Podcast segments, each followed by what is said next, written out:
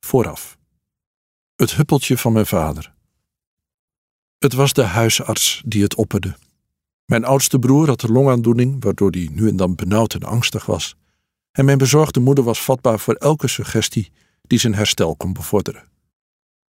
Ga eens met hem naar een waddeneiland, zei de huisarts.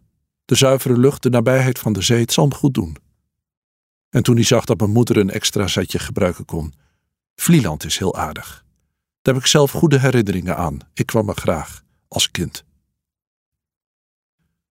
We woonden in een Twentsdorp dat met de rest van de wereld verbonden was door klinkerstraten en zandwegen, die buiten de bebouwde kom oplosten in de schaduw van sombere bosranden. De zee was ver weg. Ze maakte zich alleen kenbaar door hoog boven boomtoppen overtrekkende regenwolken. Breedste water in de onmiddellijke omgeving was een bosvijver, waar je met gezonde pas in vijf minuten omheen kon wandelen. Stormde het, dan ruisten slechts de bomen. Het was begin jaren zeventig. Mijn vader had moeite met de suggestie van de huisarts. Het vooruitzicht om met een oversteek naar het onbekende het voor hem vertrouwde leven te verlaten, al was het maar voor een week, maakte hem onrustig. Hij was een man die veel baat had bij zijn vaste gewoontes en die uit eigen beweging nooit iets ondernam wat zijn dagelijkse routine doorbrak. Het was aan mijn moeder om hem over te halen.